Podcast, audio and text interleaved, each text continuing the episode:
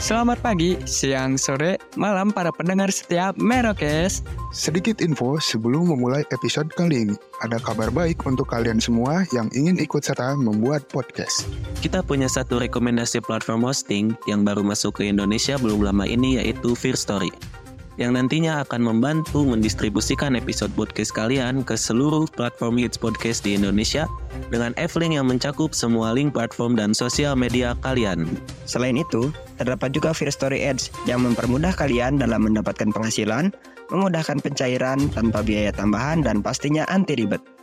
Dan kerennya, First Story mempunyai customer service yang siap membantu kalian kapan pun. Karena berisikan tim podcaster profesional yang berpengalaman. Jadi, tunggu apa lagi? Daftarkan podcast kalian. Dan segera upload episodenya di fearstory.me. Okay, welcome back again to another episode of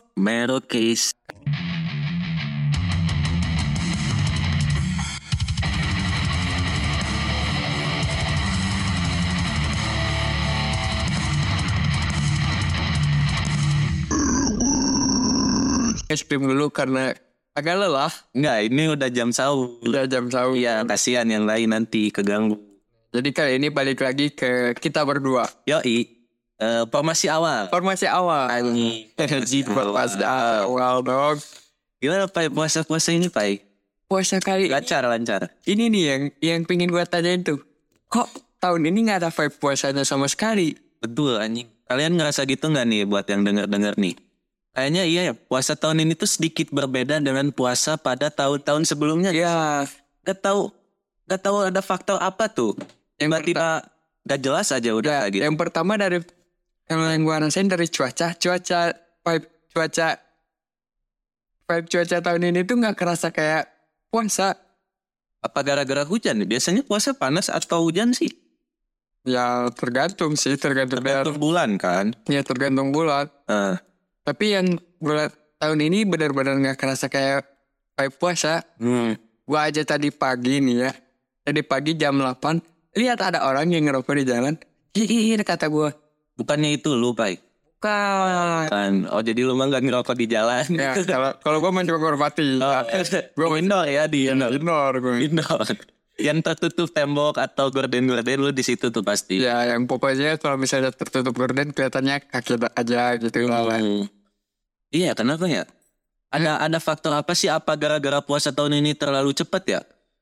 Kayaknya Bulan Maret kan udah mulai kita kan. dan kayaknya ataupun mungkin ya dunia udah tua kali. Nah, ya udah mendekati ini kali ya, mendekati akhir kali. Bisa jadi Aduh, gua belum nikah lagi. sama. Ya siapa yang mau? Gak usah nikan juga. Gak usah nikan juga kawan di sini. ya enggak, tapi ini balik lagi ke soal puasa nih, puasa tahun ini. Kumaha? Yang nggak ada vibe-nya tuh, nggak ada gembor-gembor SOTR. Ah, tapi bagus. Di sisi lain Di bagus. sisi lain bagus, tapi malah jadi aneh, so. Oh iya, jadi jauh sepi ya jalanan. Jadi sepi jalan. Iya, iya, jadi sepi. Yang biasanya kan kita kalau misalnya bulan puasa balik mau sampai balik subuh juga ngerasanya feel aman. Aman karena rame jalan. Sekarang Iya ya. Sekarang juga banyak tempat makan atau kafe-kafe yang nggak buka pas sahur. Itu Apa gara-gara kehajar covid tapi tahun kemarin kemarin biasa aja, biasa aja. nggak ada bedanya gitu. Jadi apa nih yang salah? Siapa yang salah kalau kayak gini? Nah, kalau kalau menurut pandangan gue nih ya, kita ngambil rekap deh dari pandemi. Pandemi mulai. Pandemi orang-orang puasa di rumah semua. Yoi. Terus 2021 Lihat sisi, lihat tahu sisi. sih mulai orang masih ada yang di rumah ataupun yang mulai keluar-keluar. Ya, Nah, 2022 orang mulai bebas keluar.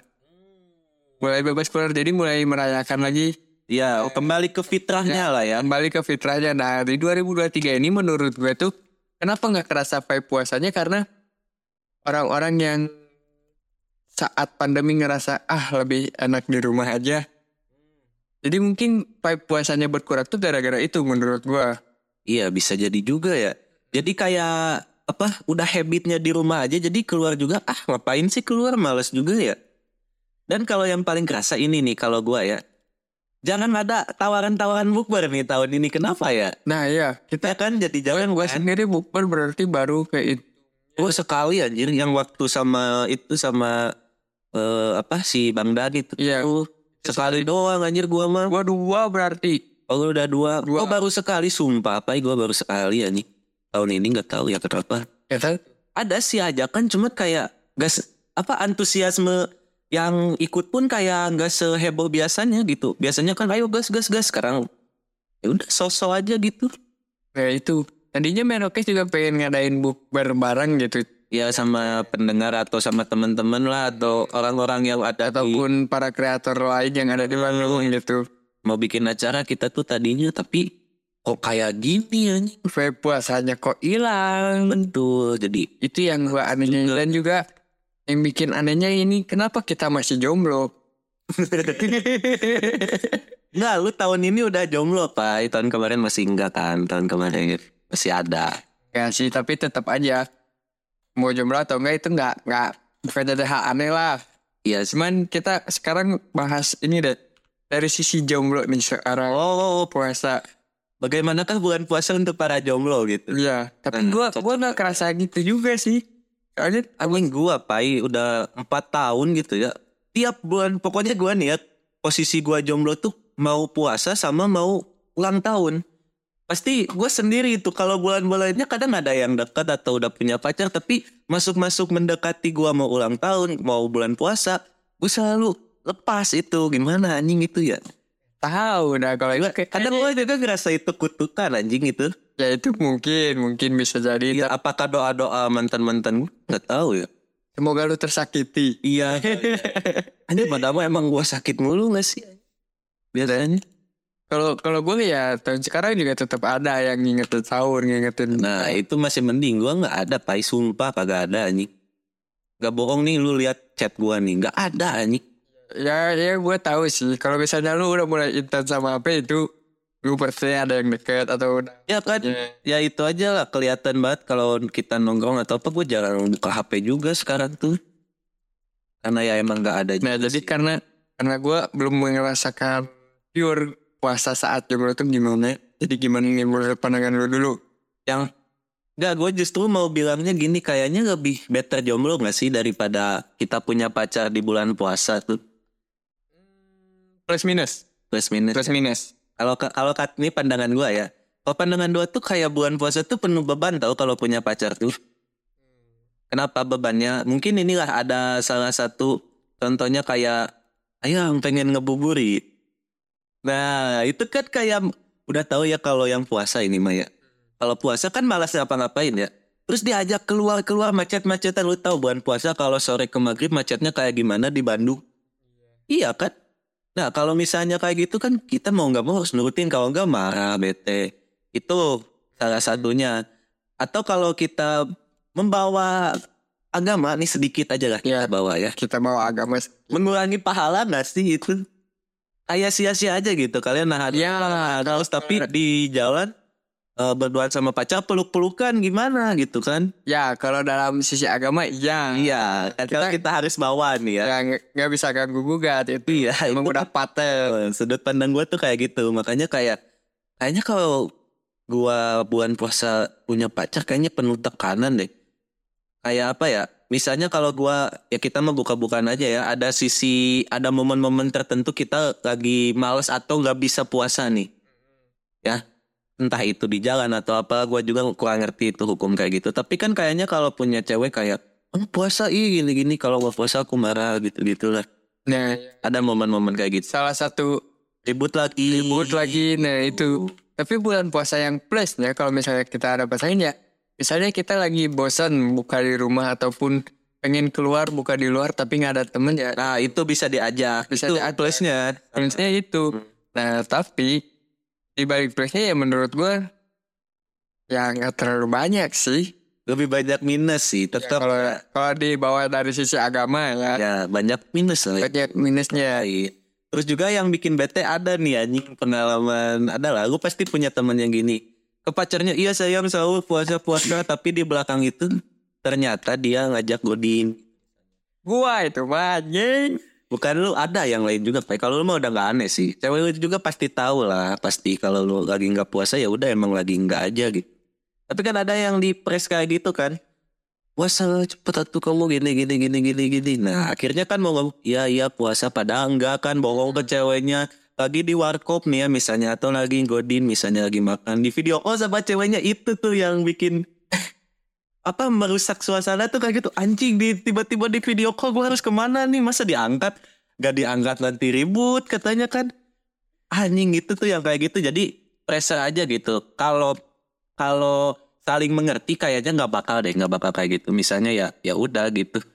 Kalau misalnya lagi nggak mau puasa ya udah gitu. Terimain nggak usah Ya, press Ya kayak gua berarti kan harus iya. Ah gua nggak puasa hari ini. Ya udah bilang aja. ya udah tinggal gitu. Tapi kan banyak yang nggak berani gitu ya Nggak tahu tuh. nggak berani Ya, ya, itu kita- pasangan Kita kita coba ambil contoh itu deh. Kenapa nggak pada nggak berani sih kalau misalnya lagi bulan puasa gini ngomong kalian jujur nggak puasa tuh?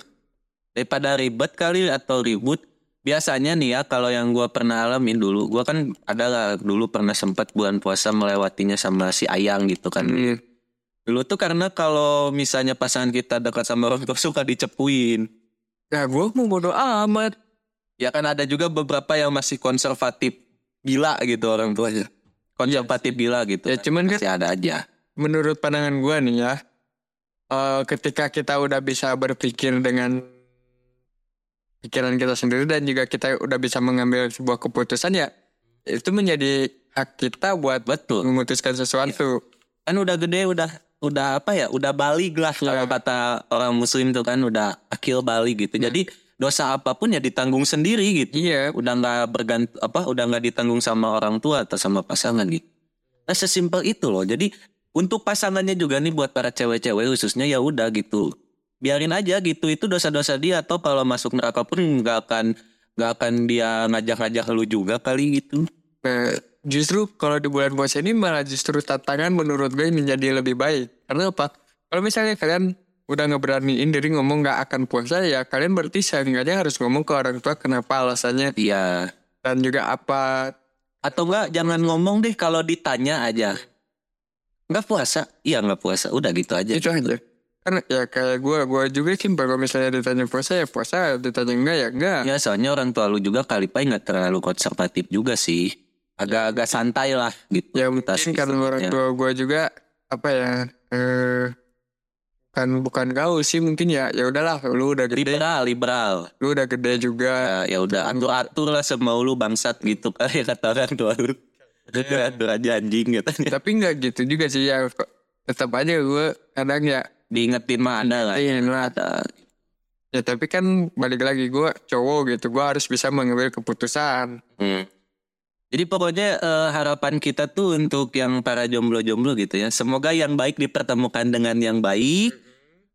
Semoga yang kurang baik dipertemukan dengan yang bisa memperbaiki. ya tapi kenapa Itu dia. kata-kata anda seperti seakan sudah akan menutup episode kali ini Oh enggak dong, itu kan selipan dulu. oh selip Harus ada quotes by sekarang. Kan sekarang mah kalau apa-apa dipotong masukin TikTok. Nah, siapa tahu kan kita yang dipotong nih ada ada penggalan-penggalan kata yang dipotong gitu. tapi bulan puasa kali ini gue ngalamin lagi kejadian epic Gimana? Apa apa Mas Pras Oh, kenapa?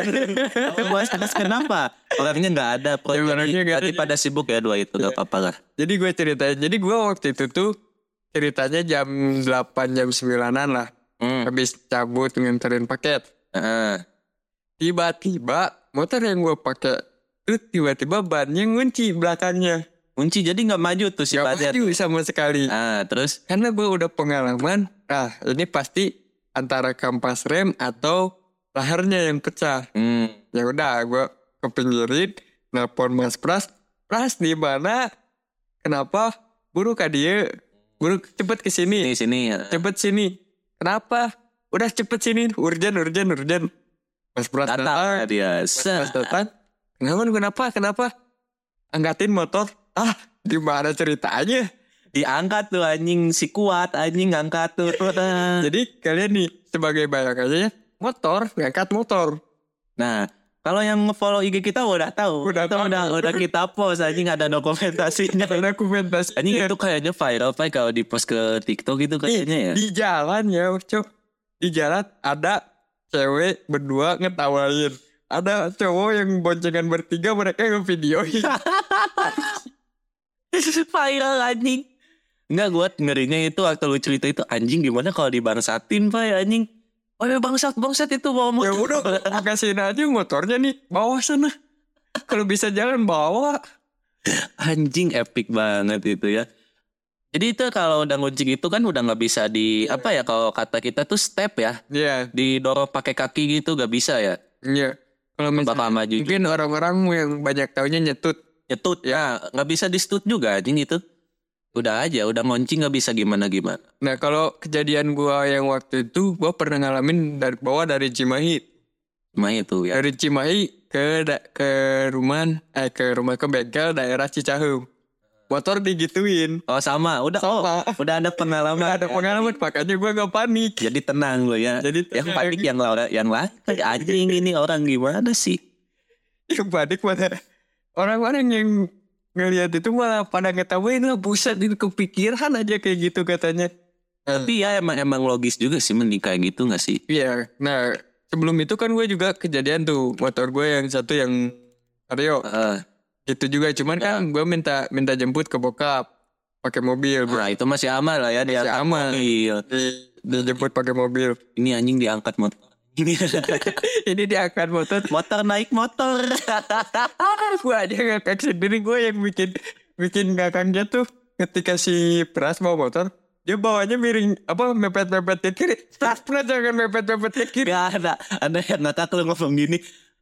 Jangan gitu pas anggap aja lagi bawa mobil kan. Pras gak bisa bawa mobil. Anjing yang nggak tahu dia kayak gimana. Itu tolol itu perumpamaan yang tolol gitu ya ya Pras gak, gak bisa bawa mobil. Lu bilang kayak bawa mobil ya ya dia bingung anjing.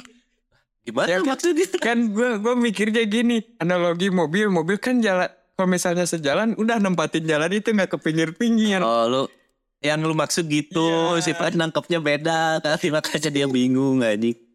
Dia malah malah mikirnya perasaan tukang tukang bakso tahu bawa nggak kayak gitu Oh iya anjing mirip sama bakso tahu ya kiri kiri kanannya keisi gitu. kiri kanannya bisa tapi ini lebih sehat Iya. Cing emang iya epic sih Pak itu Pak. Itu ya pengalaman. Bulan itu hari puasa keberapa ya baru?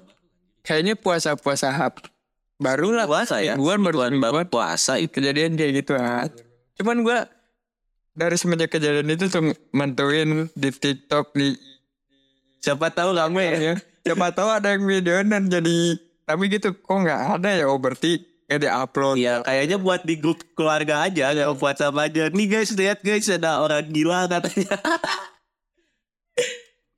Habis itu kita kayak gitu ya. Kalau misalnya itu rame, baik kita langsung ya otomatis wait itu kita bos. Ya. Kita akuisisi ya. kita aku sih itu Wah ya tidak hak cipta nggak boleh. Hak itu. hak itu nggak boleh. Kenapa di, kita kita akuisisi karena ya itu aset. Aset. Orang lain nggak ada yang orang lain mah udah pasti towing kali ya. Ini udah towing pakai tukang lah, pakai apa? Anjing ini mah selagi bisa sendiri mah ngapain. yes. Yang penting kalian itu harus berpikir out of the box. Intinya itu. Kalian harus bis- bisa berpikir out of the box. Dan mikirkan. Dan untungnya lagi kita kita tuh kebanyakan suka untuk dipertontonkan. iya. Suka untuk ditontonin sama orang gitu. Jadi pusat perhatian tuh kayak seru juga gitu ya. seru juga walaupun ya jadi pusat perhatiannya bukan karena hal-hal yang cringe atau ya nggak nggak ini ya nggak nendang pala orang. Iya, Nggak- enggak kayak gitu lah. nggak mani Ah, nggak manipulatif ya gitu padahal belum 17 kencing aja masih jongkok. Si AG AG aduh. Anak- anak-anak sekarang emang barbar-barbar tapi lu tahu gak Pai gue baru dapat istilah baru nih apaan? Apaan? kan sebelumnya kita udah sering dengar generasi sandwich ada lagi sekarang namanya generasi strawberry Apaan generasi Jadi katanya generasi strawberry itu kayak luarnya bagus, luarnya sempurna gitu, tapi dalamnya rapuh gitu, gampang benyek gitu, gampang hancur. Ya kayak strawberry aja gitu gimana? Bentar, perasaan strawberry nggak gitu dah. Nggak tahu gue juga. Kan kalau misalnya yang Kecuali kenapa nggak generasi tahu sama-sama gampang hancur kan? Iya. Perasaan strawberry kalau misalnya yang nggak busuk nggak gitu dah. Iya makanya kenapa istilahnya generasi strawberry itu sekarang udah nambah lagi nih kamus-kamus bahasa-bahasa baru kamus-kamus generasi Gen Z Gen Z ini udah nambah lagi nih Pak gimana? Aduh, gua karena terlalu sibuk dengan kerjaan jadi mungkin kurang memperhatikan kejadian-kejadian di sosial media Ih, belakangan sama ini gue juga gue juga udah untung kita nggak FOMO juga sih Ya, jadi kalaupun kudet ya udah kita mau dibecandain aja emang tolol aja gitu Ya emang gak tahu juga itu. Mau Gue apa? gak, gak pengen sih dari dulu kelihatan apa ya kelihatan kayak berwawasan banyak gitu. Gak mau gue gak mau kelihatan gitu. Brandingannya kali bukan kayak gitu kali ya. Ya, Jadi ya udah tolol ya emang tolol gitu kan. Gue kalau yang disebut tolol sama orang juga ya emang tolol anjing. Terus gimana? Apa emang emang gini kita gitu. Iya makanya nggak ada. Dengan segala kekurangan dan kelebihan. Hmm, makanya nggak ada yang mau juga kayak gitu kali. Ya mungkin itu alasan mungkin bangun juga. Iya gitu. Ah anjing. Sedih. Lagu sedih, lagu sedih, lagu sedih, lagu sedih. Masuk. Lagu sedih, lagu sedih. Ayo dapur rekaman masuk. Gue pengen bikin lagu. Ya nih ada nggak sih ya yang bi inilah atau enggak bikinin inilah buat kita ya ya ya atau apa jingle jingle Nah iya. Produser produser Produser-produser siapa kali nih boleh masuk gitu. Ada ada sih kita produser juga cuman dia lagi ngurusin laptop sama brand. nah nggak bisa itu Gak udah bisa itu beda. udah, udah ini ya beda orientasi Beda orientasi. sulit sulit sulit kita juga dia kita juga sebenarnya punya produser tapi nggak ada yang tahu juga Ya jadi kita diem-diem aja. kita sebenarnya punya punya kantor punya apa tapi nggak kita liatin aja Iya. Karena kita itu ingin low profile aja sih. dan takut dikejar pajak sih itu aja takut tiba-tiba ditagih pajak wow adsense juga nggak cair-cair ini tuh gimana nah, Aduh. Uh, lebaran Eh tapi ngomong-ngomong Beroknya sudah setahun nih. Ah iya itu ya. Ini udah eh kita udah upload juga beberapa episode monolog kemarin itu juga pas monolog bagian gua tuh udah gua ucapin juga sih pas pas itu upload kita udah setahun lebih sehari gitu. Ya. Yang udah setahun lebih berarti kalau episode ini tayang juga Ya jadi gimana nih? Ini dari pandangan kita berdua lah yang dari awal, dari awal banget founder lah founder. dari Foundernya founder. kita ngelihat Merokes nih progresnya kayak gimana? Sebenarnya progresnya apa ya? Di momen-momen tertentu tuh kelihatan cepat banget. Kita baru eh, buka-bukaan aja lah ini mah ya kita baru upload gak nyampe sa- eh belum beres satu season ya. Belum beres satu season udah dapat kontrak ya alhamdulillah dari beberapa platform dan satu manajemen juga kita dapat kontrak selama enam bulan lah. Setahun lah eh enam bulan ya setengah tahun tuh. Itu baru-baru banget. Gua juga kaget kok bisa ya gitu maksudnya. Itu yang ngebikin kita terus terus ada sampai sekarang tuh karena hal-hal yang terduga kayak gitu tuh yang bikin kita semangat. Iya kita sekarang sampai nunggu juga apalagi nih surprise surprise Iya. banyak kok tapi nggak ada ada nih. Nah sekarang itu kalau kita lihat lagi kok jadi melambat progresnya gitu. Awalnya cepat jadi sekarang lambat gitu loh. Justru ini kalau misalnya di curve atau grafik kayak gitu tuh ini lagi naik terus ntar tuh tiba-tiba ada naik lagi Oh, Cok, siapa tahu ya siapa tahu langsung meledak lagi. Ya pokoknya kan doa kita dari awal tuh mer merok eh, apa merokes meroket gitu kan semoga aja terus terbang ke udara gitu. Dan Semakin tujuan, baik lagi lah. tujuan awal kita juga ingin menjadi media untuk kalian semua. Nah itu makanya kita sekarang mau mulai aktif lah kayak bertukar opini lah. Iya, Tapi kita bakal uploadnya cuma di IG. ya di Instagram. Jadi kalian buat yang belum follow Instagramnya Merokes langsung di follow aja merokes.network. Oh, betul juga. Kalau ada yang mau jadi narasumber ini gak ada ada anjing pai. Ada sebenarnya. Gak berani, gak Iya, berani. nggak berani. takut takut keseleo lah, takut apa? Wah kita juga emang apa sih kita siapa sih gitu? Iya. Gak gede-gede amat juga gitu. Bagian kalau misalnya kesel masih gini ya udahlah nggak apa-apa. Kita kan udah pernah di report juga. Ya, ya. Jadi akun Instagram gak bisa ngiklan. Wah, dia ini kan kena kena strike itu akun kita. Itulah super sekali ya.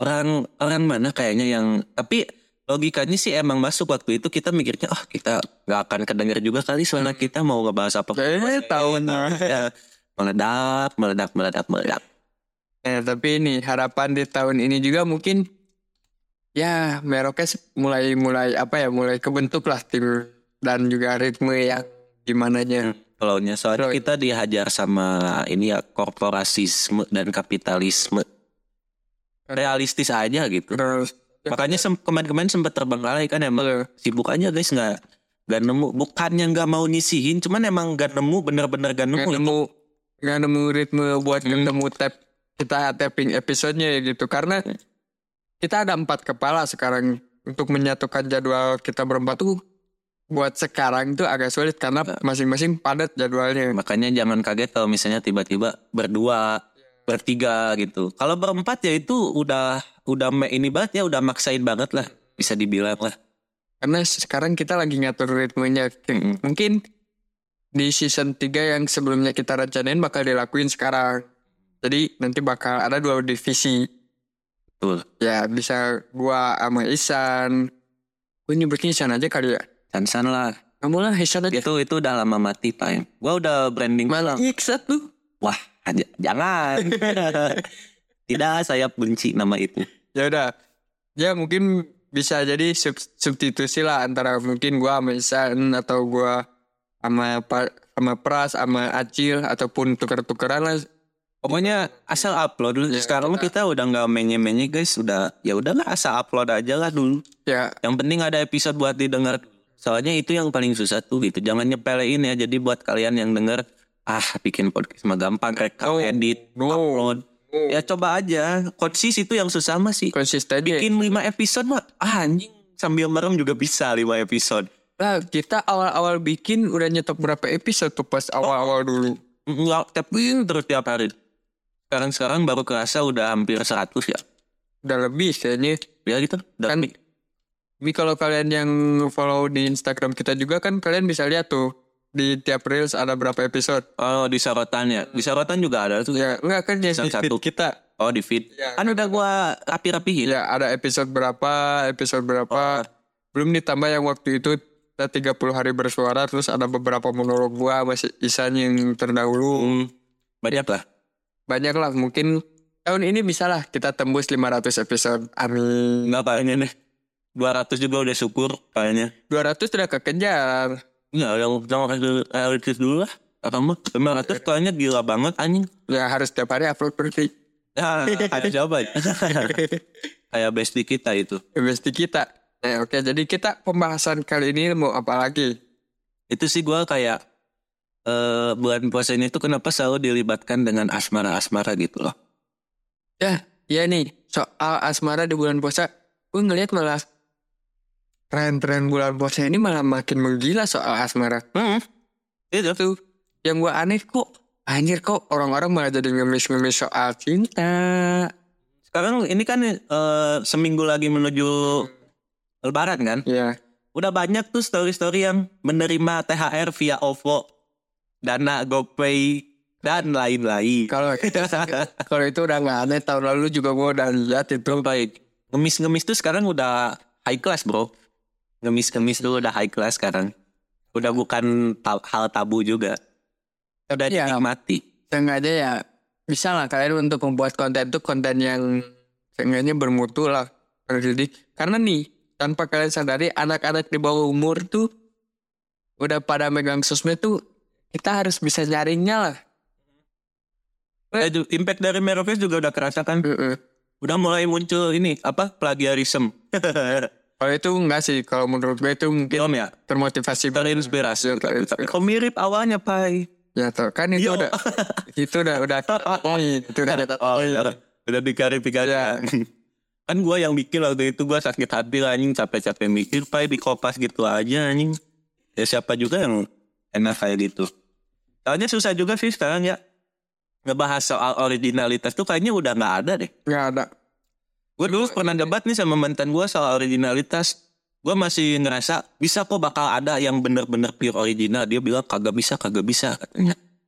Nah, kalau itu gue juga bisa debat tuh. Ada, pasti ada sesuatu yang originalitas tuh pasti ada.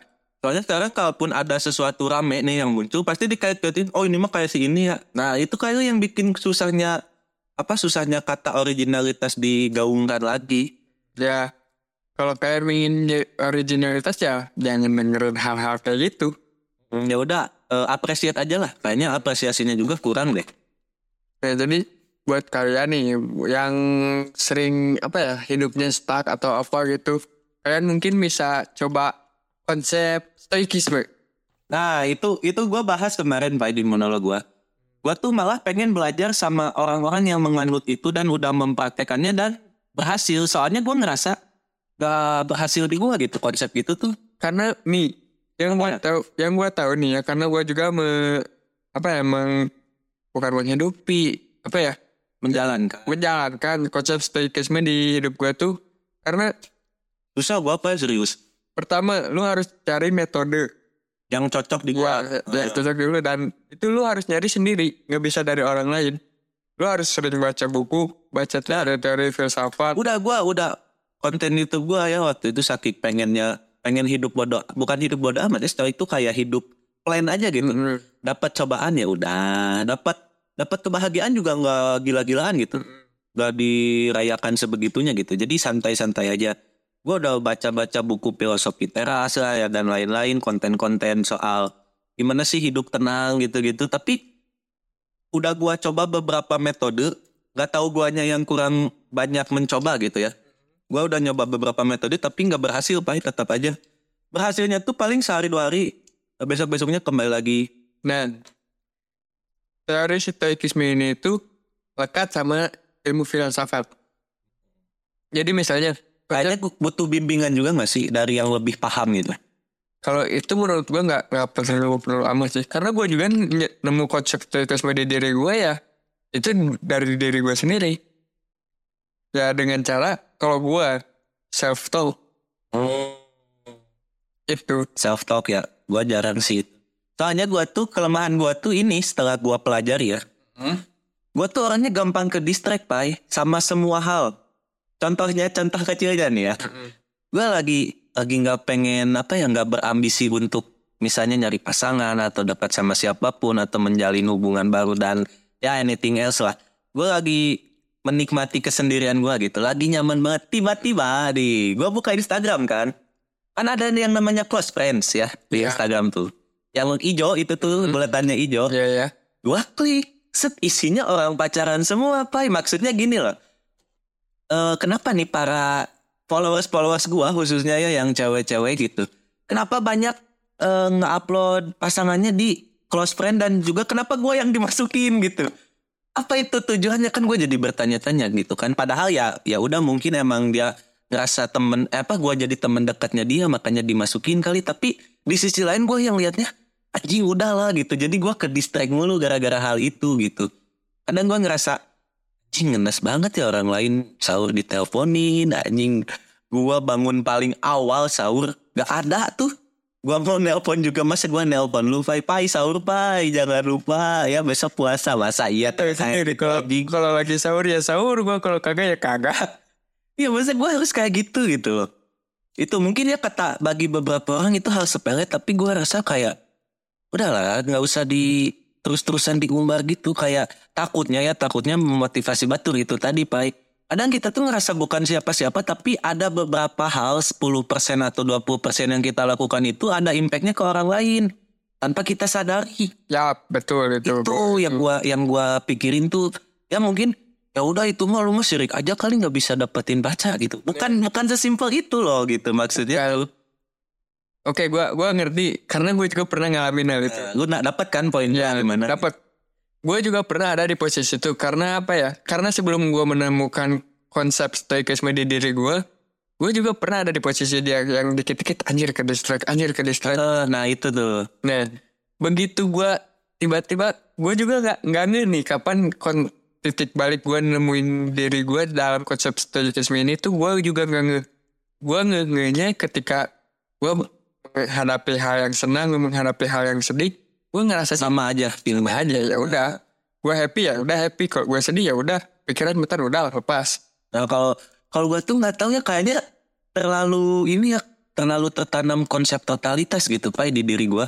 Jadi kalau gua ngerasa sedih ya udah anjing kita sedih sampai mampus gitu. Kita bahagia rayain sebahagia bahagianya nah itu kan sebenarnya salah ya bagi gua ya. Hmm. itu rasa-rasa kayak gitu tuh kayak salah. Soalnya itu memanipulasi gua. Jadi ujung-ujungnya gua kecanduan sama hal itu entah sed- sedih pun bisa bikin kecanduan bro ya ya, ya. sampai sampai kan gua ngerasa atau yang lain juga banyak yang ngerasa kenapa ya kalau gua sedih tuh gua lebih pintar gua lebih terbuka? Itu kan jadi hal kecanduan kan saat kita nggak sedih saat kita stabil tuh kayak kita ngerasa mentok gitu. Stuck ide Mhm.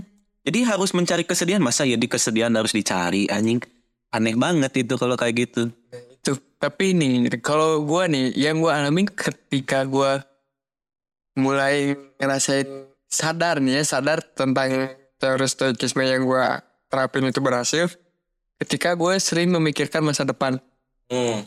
Kan kita overthinking kan pasti. Semua. Semua orang pasti soal Apalagi jam-jam segini nih. Iya, masa depan kan pasti overthinking. Hmm. Mikirin masa depan gimana, harus apa.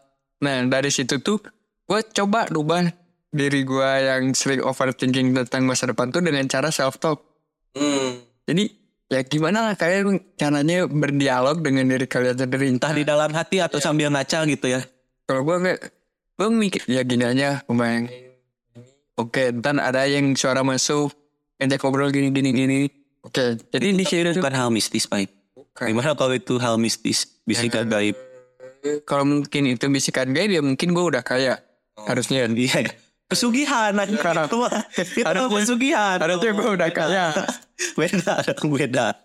Itu pesugihan anjing.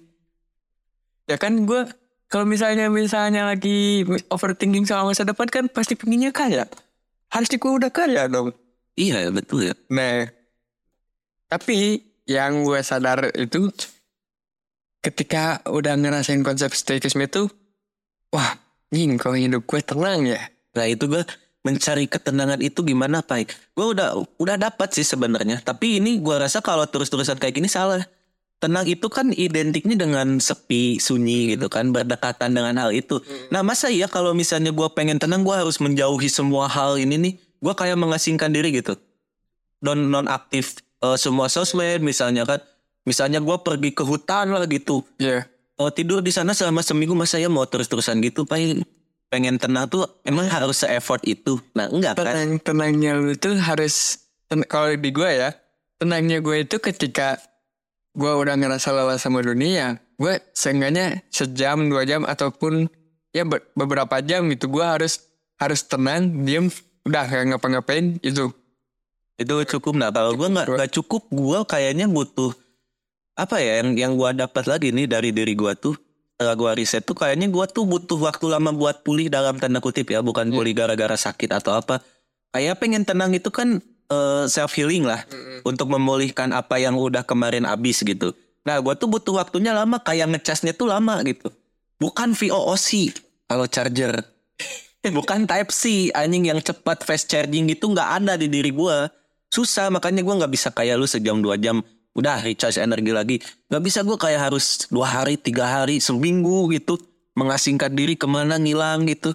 Baru gue bisa tenang tuh di situ. Ya berarti konsep stoikisme yang lu dapet tuh belum belum nerap di diri lu. Iya makanya kan gue suka bilang gimana sih caranya? Tolonglah ajarilah Eh. diriku ini. kadang gue gue juga suka suka bingung sendiri kalau misalnya ketika orang-orang nanyain soal konsep stoikisme ke gue ya gue gimana ngejelasinnya? Gue Iya, juga orang lu juga dapatnya tiba-tiba gitu. Gue gue nggak gue dapetnya gimana yang Hmm. pokoknya ketika gue seneng ya gue seneng tapi nggak over nggak nggak berlebihan nggak gimana ya udah. Seneng ya udah seneng. Beberapa jam ya udah balik lagi ke diri gue itu yang yang gue nggak paham juga. Kenapa ini awal mulanya gue juga bingung gimana? Titik titik balik. Enggak aja tiba-tiba lewat aja kayak kerasa aja oh kayak gini ya gitu ya kayak gitu. Tapi dengan dengan adanya konsep stoikisme kayak gini ngebuat gue jadi bisa lebih tenang untuk memikirkan ses- sesuatu. Nggak gerasa gerusuk untuk mengambil keputusan. Nah kalau gue kebalikannya tuh gue apa ya saat terlalu satset juga salah sih sebenarnya sih. Terlalu cepat mengambil keputusan tuh salah banget ini makanya gue di monolog kemarin tuh banyak ngebahas soal pilihan karena gue selalu ngerasa salah pilih terus apa pun gitu padahal bagi bagi lu yang dengar atau bagi yang lain tuh enggak udah bener loh pilihan gue tapi oh salah ya kata gue nah itu tuh yang masih jadi pertanyaan gitu Nah, kalau kalau gue dengan diri gue yang sekarang, apa pun yang gue lakuin itu udah dalam planning gue. Mau itu hal buruk, hal baik, udah hajar aja ya itu udah emang udah ada di planning gue. Hmm. Jadi gue udah nge-planning apa yang gue lakuin ini bakal berimpact apa. Jika itu terjadi hal buruk, apa impact hal buruk yang bakal dilepaskan dan apa hal baik yang bakal gue terima. udah plan ya udah ke plan ya Udah, jadi kalau misal ada di salah satu lirik lagu, Everything I did was planned. Hmm. Ya, Itu. itu ada ya. ada di lagunya Falling in Reverse yang sering gue jadiin story itu kalau di IG pribadi gue Hmm. itu apa pun yang gue pikirkan itu udah udah gue planning tentang apa pun. Mau itu hal baik hal buruk. Jadi ketika hal buruk ke- kena ke gue ya udah. Oh ini impactnya ya udah. Resiko gua lah. Nah tapi kan orang-orang kadang tidak siap dengan resiko itu. Jadi ya seperti yang udah gua sering bilang juga kayak faktor kita, faktor paling besar saat kita sakit hati itu karena rasa kaget itu loh. Iya. Kita nggak siap gitu kan. Kalau lu mungkin udah udah nge-planning, oh kalau bakal gini ya udah ini kan gua dari awal udah ngelakuin ini hasilnya kayak gini ya udah gitu gua terima. Tapi kan banyak masih banyak salah satunya gua kayak gua juga udah mikir nih ya konsekuensi dari yang gua rasakan gitu. Gua tahu bakal nyesel nih. Tapi ketika itu datang ke gua Anjir kok masih sakit ya Padahal gue udah tahu loh Hal yang gue lakukan tuh kayak gimana gitu Ini mungkin antar kayaknya ini buat buat monolog gue aja deh. Ah gue harus tap- tapping lagi monolog baru lagi. Aja lah ini dulu lah Kita upload dulu Soalnya keburu habis ini bulan puasanya Ya mohon maaf guys Ini Pak guys. Ini khusus bulan puasa sebenarnya Kita mau ngebahas puasa Tapi malah lebar ke mana-mana nih ya Ya namanya juga ini kita dadakan juga guys. Jadi Eh, Tada ya Tada Iya. Tapping dadakan tak ada tapping dadakan. Jadi ya gimana? Apa pun yang sekarang yang kita bahas ya apa pun yang kita mau. Iya karena emang ya itu entah entah tergeru sama apa sama realistisnya dunia jadi ngerasa stuck gitu dan kita juga nggak ngikutin apa yang rame itu kan Gua gua juga gak ngikutin yang rame. Gua nggak FOMO. Tapi gua tapi butuh loh pak yang gitu tuh Iya. Tapi gue seenggaknya bisa tahu apa yang terjadi. tahu aja lah tapi nggak ngikut dalamnya kayak kasus-kasus yang rame-rame tuh kayak yang nendang-nendang pala orang gue tahu taunya juga sekarang-sekarang gitu inti permasalahannya soalnya emang gue nggak mau cari tahu juga nggak manfaat juga gitu buat gue apa sih ya udah orang lain ini gitu yang penting jangan orang-orang sekitar gue yang kayak gitu gitu aja sih Karena kalau menurut gue sesuatu yang terjadi di sosial media itu walaupun kita nggak nyari tahu ntar bakal datang dengan sendiri. Tuh, nah itu cuman cepat atau lambatnya kan kita nggak tahu ya. Hmm. Karena kita juga kemarin sampai ngebuang beberapa episode karena terlalu lama ya. Terlalu lama maksudnya. Ya jadi waktu itu rame, tet, udah udah turun, udah ke mana baru kita bahas gitu. Dan kita pikir lagi kayak ah udah nggak relevan nih, jadi kita hapus-hapusin. Iya. Gak jadi tayangin itu.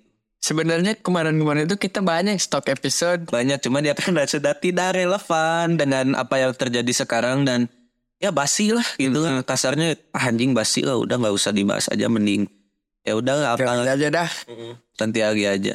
Makanya kita belum bikin lagi aksi reaksi itu tuh kayak ya orang kita juga jarang mengikuti apa yang sedang ramai di perhelatan gitu nggak tahu anjir. Gimana ya? Kalau hal-hal kayak gitu kan kita harus nyari dulu. Kita harus Riset dulu saja harus dipertanggungjawabkan itu sih yang bikin kita bisa asal ngomong asal jeblak rekam upload gitu tapi kan entah di akhirat nanti gitu ya kalau misalnya ditanya kalau ada ya Set lu tiba-tiba mau akhirat Kalau juga. kalau ada apa kan gue nyebut kalau lu kesambet apa cok? Ya kan bulan puasa Bulan puasa ternyata masih ada efeknya ya. ada anjing di gua mah di lu kita ada.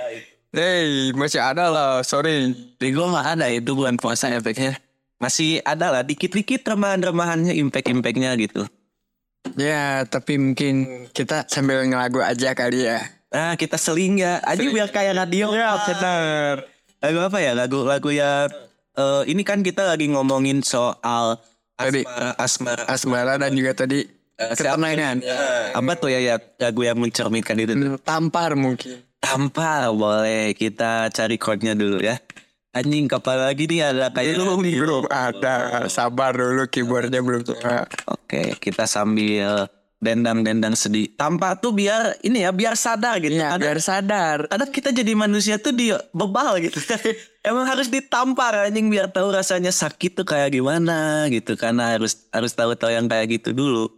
Nah, jadi Ini eh, ini sambil kita ini nih biar diseling juga biar ada konten baru gitu kan. Iya betul. Variasi baru di konten. Apa kita sebut ini Merokes FM ya? Tanya kita bikin anjing gua dari dulu pengen pai. Cita-cita gua kan pengen jadi penyiar, Bro. Itu kan emang tujuan kita. Cok. Iya, kita nggak agak nyampe ke skena radio jadi ya udah kita bikin podcast. Iya. Kalau radio tuh kan live ya, kebia- bedanya sih beda dikit-dikit sih sama radio sih. Ya, bedanya cuman eh, kalau radio kan udah serba otomatis sih. Nah, iya. Oke, tampar ya. Ya, Mohon maaf kalau suaranya kurang nikmat juga ya guys. ya jadi nggak apa-apa ya. Entah sudah selesai yang keberapa Masih saja kau ada lekat di kepala. Hari ini janji esok mesti lupa. Tetapi hati tak tepati Tampar aku di pipi Biar sadar Hujan samarkan derasnya. Tutup air mata Temani kecewa. Ku yang telah lama Berdosa ku berdoa. Minta kau terluka Dan tinggalkan dirinya. Lanjut nih. Lanjut. Hari ini janji esok mesti lupa. Tetapi hati tak tepati. Tampar aku di pipi. Biar sadar dan ku mengerti. Hujan samarkan derasnya Tutup air mata Temani kecewa Ku yang telah lama Berdosa ku berdoa Minta kau terluka Dan tinggalkan dirinya Anjing Gila gila gila gila Ini Adil banget ya. variasi baru ya. ya kan tapi kalau banyak kan kayak susah juga ya sampai sekitaran gini emang emang ini mah momen aja. Momen aja. hoki dia. Dengerin Itu yang dengerin jangan hoki. nih jarang-jarang kita sambil ada akustikan gini lah Nah jadi buat ini yang kalian mau dengerin kita akustikan boleh kali. Kalau yang mengundang-undang ke kafe-kafe boleh. jangan pak ya anjing suara nggak sebagus itu Ya nggak apa-apa. main kita cuman bisa ab- eh, gece-gece anjing Nggak apa-apa, nggak apa-apa. Pede aja dulu. Ah iya pede aja dulu ya.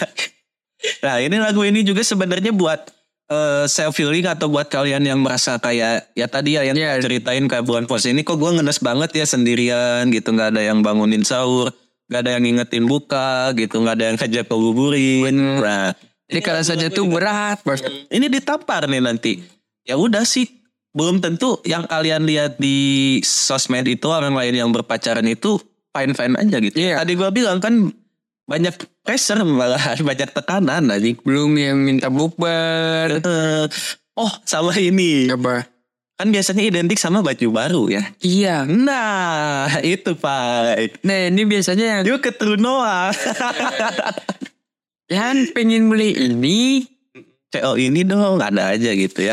Dan nggak apa-apa juga sih. nggak apa-apa karena emang ya itu udah harum Setahun sekali lah. Kalau misalnya tiap bulan terus terusan ya mikir lah gitu. Situ juga cuy. situ situ pacaran apa numpang hidup gitu kan gimana sih? Ini dan soal soal numpang hidup nih buat kalian jangan coba-coba living together dulu deh kalau nggak kuat.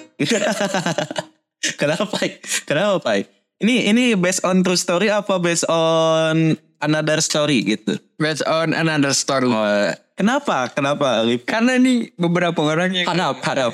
ya itu intinya. Nggak jangan bawa agama itu. ya jangan bawa agama. Udah pasti ya pasti. Ya udah kita kasih tahu juga haram. Pokoknya seks di luar nikah haram. Anjing di, diperjelas lagi bangsat. Enggak kan living together tuh maksudnya nggak nggak selalu harus gitu gak sih? Ya tapi kan Ah, susah kayaknya jadi sambung nggak susah. Kenapa lah? Kenapa? Kenapa coba? ya karena ini dari beberapa orang yang gua tahu nih ya. Ketika mereka living together malah hidupnya jadi kacau. Iya. Jadi gak jelas. Gak jelas kenapa. Padahal kan enak kayak eh, gak kesepian, gak sendiri. Misalnya kalau misalnya si pasangannya jago masak ada yang masakin. Ya tapi impactnya nih buat buat yang umur-umur masih muda. Ketika mereka nggak kuat mental, kok kayak gini ya? Kok kayak gini ya? Oh, makanya emang kan kalau mau nikah tuh harus siap mental dulu ya. Nah kalau belum siap ya itulah yang terjadi. Ya, kalaupun kalian putus, kalian malah yang keras aja jadi janda dan duda. Anjing. Anjing bener pak. baru kepikiran janda dan duda sejak dini aja So, kalian mau bilang apa lagi? Itu emang udah based on true story. Anjing bener biasanya bangun-bangun ada orang kok nggak ada Anjing kok kayak gini rasanya. tapi ada hal positif pak Ya, nah, Jadi kalau nanti misalnya kalian udah pernah merasakan living together di masa muda atau di masa-masa pacaran, pas udah nikah pun, ah gue pernah nih ngerasain ditinggal tuh gak enak. Jadi kalian tuh lebih berhati-hati gitu. ya lebih lebih protektif lah. Eh, bukan protektif yang lebih ke posesif ya, kayak menjaga diri kalian sendiri deh biar gak macem-macem itu dulu deh. Kalau pasangan mah mau sebenarnya mau dijaga segimanapun kalau emang udah dari sananya bangsat ya udah bangsat aja gitu. Iya itu. Karena ya gimana ya? Susah sih menebak soal orang intinya. Iya kan berubah-ubah dinamis ya kan Dinamis Makanya tadi gue sempet kasih sedikit kalimat juga ya Semoga yang baik dipertemukan dengan yang baik juga Yang tidak baik atau kurang baik dipertemukan dengan yang bisa memperbaiki Nah itu betul banget. Jadi Itu Jadi biar simbiosis mutualisme gitu loh jadi gue pertanyaan gue tetap sama. Kapan orang yang memperbaiki gue datang? Gue juga mempertanyakan itu Itu adalah jawaban yang ku cari sama ini Dan gak tahu kapan Episode ini kita hard selling ya. Enggak anjing lu yang hard selling mah Gue mah kagak Gak nyari-nyari juga Kalau ada ya boleh gitu ya, Itu ada ada di reels reels yang lu kasih ke gue. oh iya. Apa sih yang kapan lu mau jatuh cinta lagi? Iya. Itu tuh lu inget nggak gimana tuh gimana coba? Ini sih. Yang, Kan ada nggak? yang anak kecil ya. Bukan, cow ada yang tadi yang yang rapper kalau nggak salah. Yang rapper. Oh, bentar, bentar. Ada nggak masih ada nggak? Pokoknya kan ada. dia tuh nah, eh, di wawancara terus ditanya, "Eh, kapan lu mau jatuh cinta lagi? Hari ini? Besok? Why not katanya?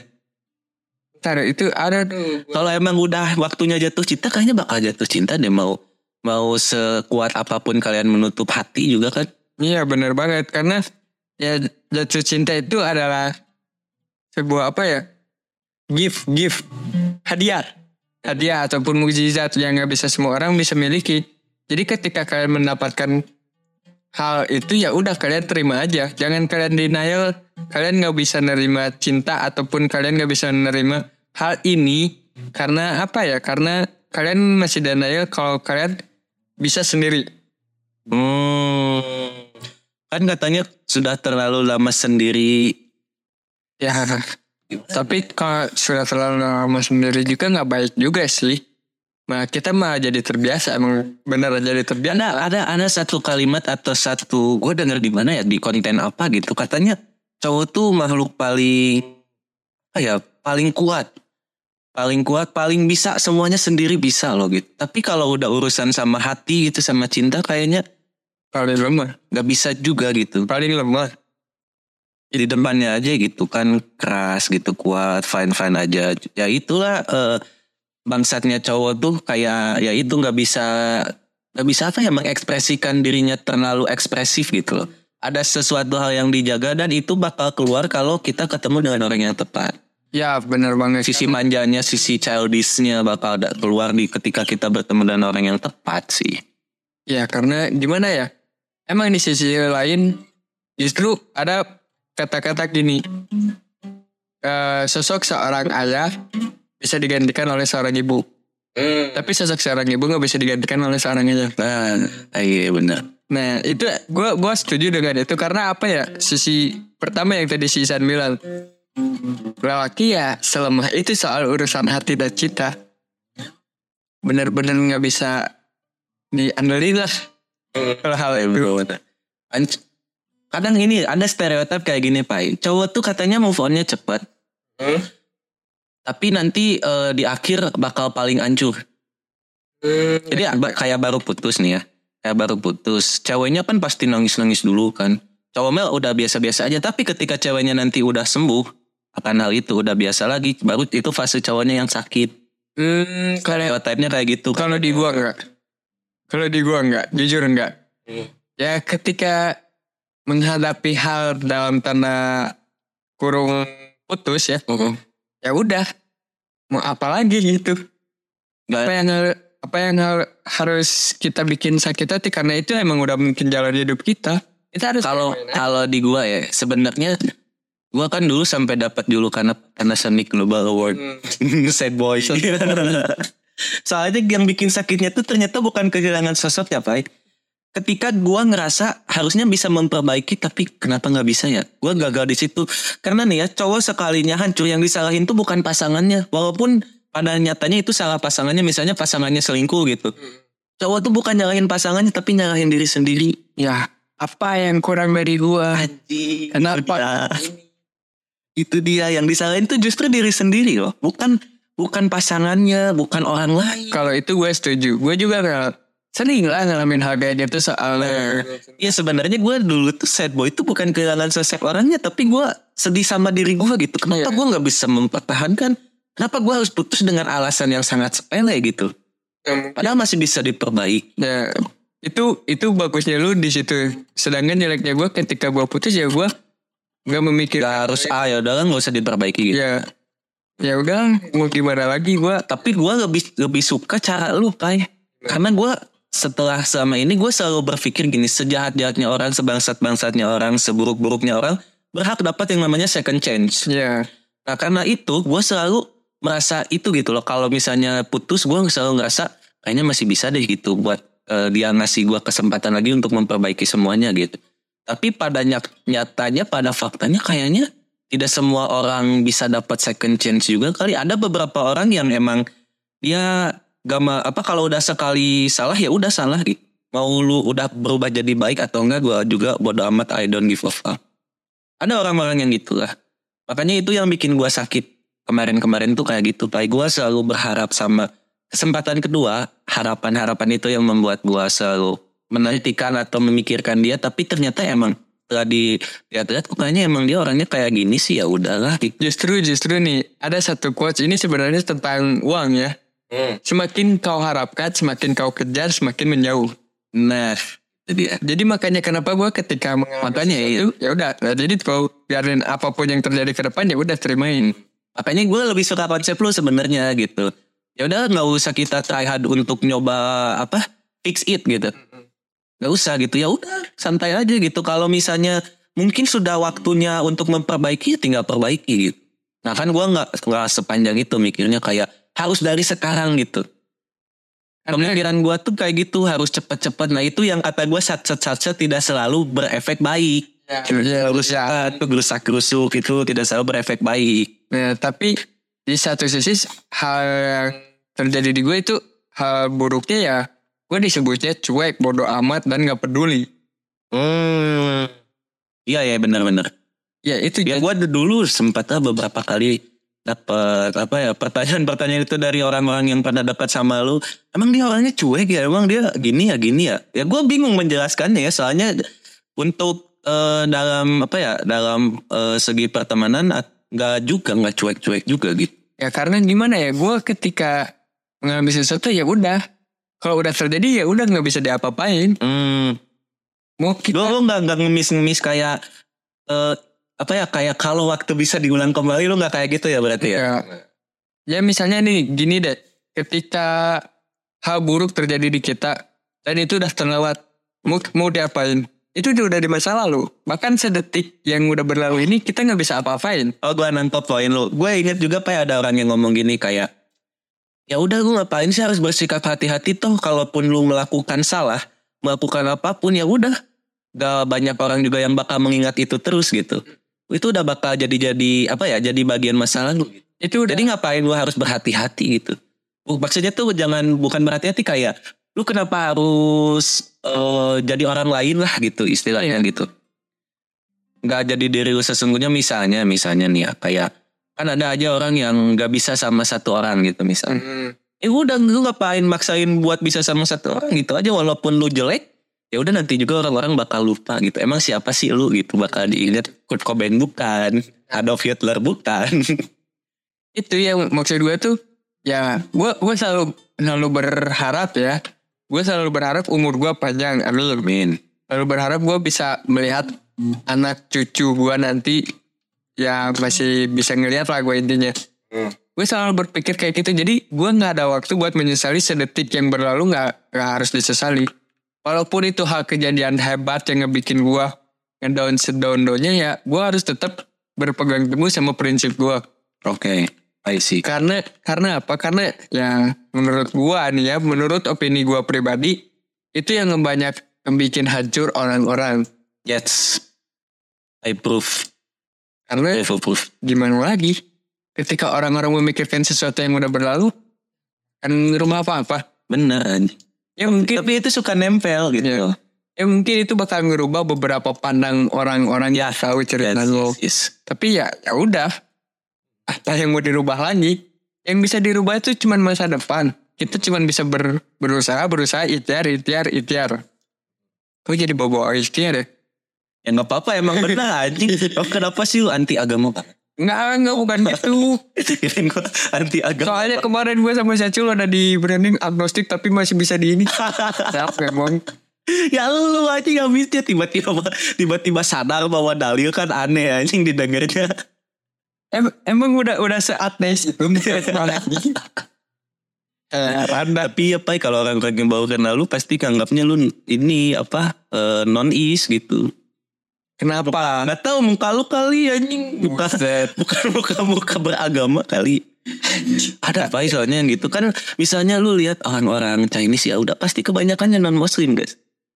Gue karena turunan Chinese. Iya misalnya ya itu contohnya kayak gitu gitu contoh kasusnya. Iya sih, iya. Ya udahlah, gue terima itu. Ngapain harus disesalin juga atau gue ganteng juga? Untuk pasar tertentu iya. Iya. Untuk orang yang tepat. Betul. Kita semua cakep untuk orang yang tepat. Iya guys jadi no insecure insecure ya. Ya, no insecure. Nah, buat soal insecure tuh gue bikin salah satu hal yang bisa bikin mungkin kalian sadar dengan teori stoicisme ada di feed Instagram gue. Kalian bisa baca mungkin kalau ya mungkin nyampe artinya mungkin. Enggak sih Pak. Orang tertentu yang nyampe sih. Gue bukan underestimate ya karena gue kenal lu gitu.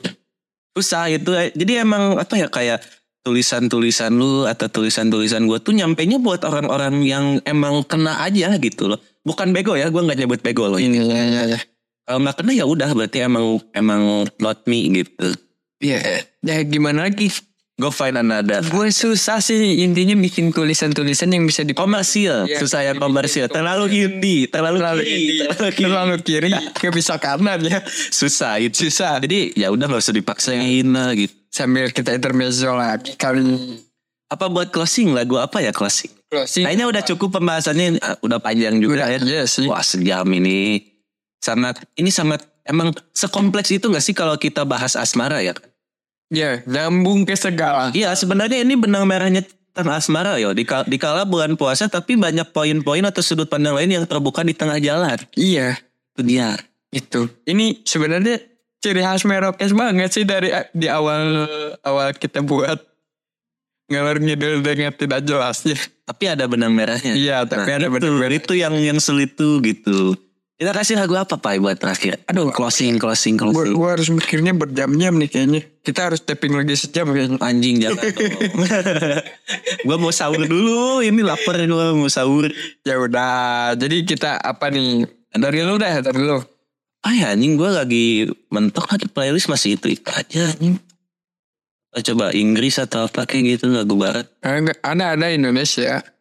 Gue juga sekarang banyak yang dengerin lagu-lagu Indonesia juga. Kita kasih yang sendu-sendu kali ya. Surat cinta untuk setara. Aduh. Eh, susah gak sih? Ya bisa lah. Ku tuliskan oh gitu ya. Surat cinta standar chord. Atau seribu tahun cana ya? Nah itu susah itu. Nah itu gue angkat tangan itu kan. Langsung lah ini gue nggak bisa petikan gue paling nggak bisa main gitar petik-petik. Ya udah, lu buka. Ku Ku tuliskan kenangan tentang caraku menemukan dirimu Gas Tentang apa yang membuatku mudah berikan hatiku padamu. Takkan habis sejuta lagu menceritakan cantikmu. Kan teramat panjang puisi Untuk menyuratkan cinta ini. Telah habis sudah Cinta ini tak lagi tersisa Untuk dunia karena telah ku habiskan Sisa cintaku hanya untukmu.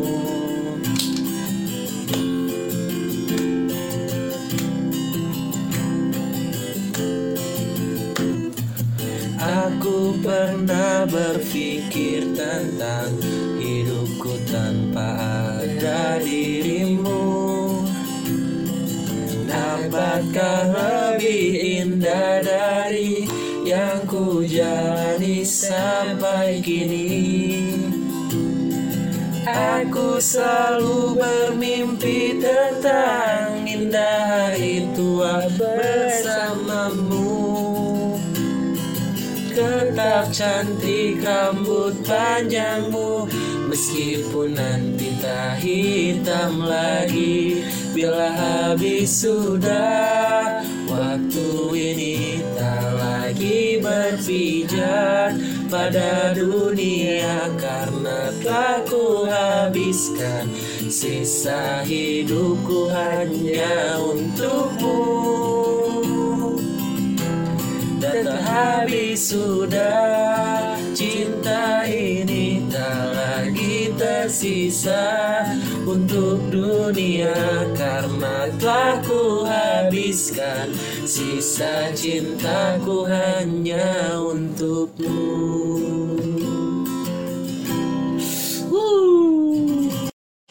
Terima kasih buat yang sudah mendengarkan. Sampai berjumpa di episode lainnya. Gua Sansan pamit undur diri. Gua Pai pamit undur diri. See you people. See you.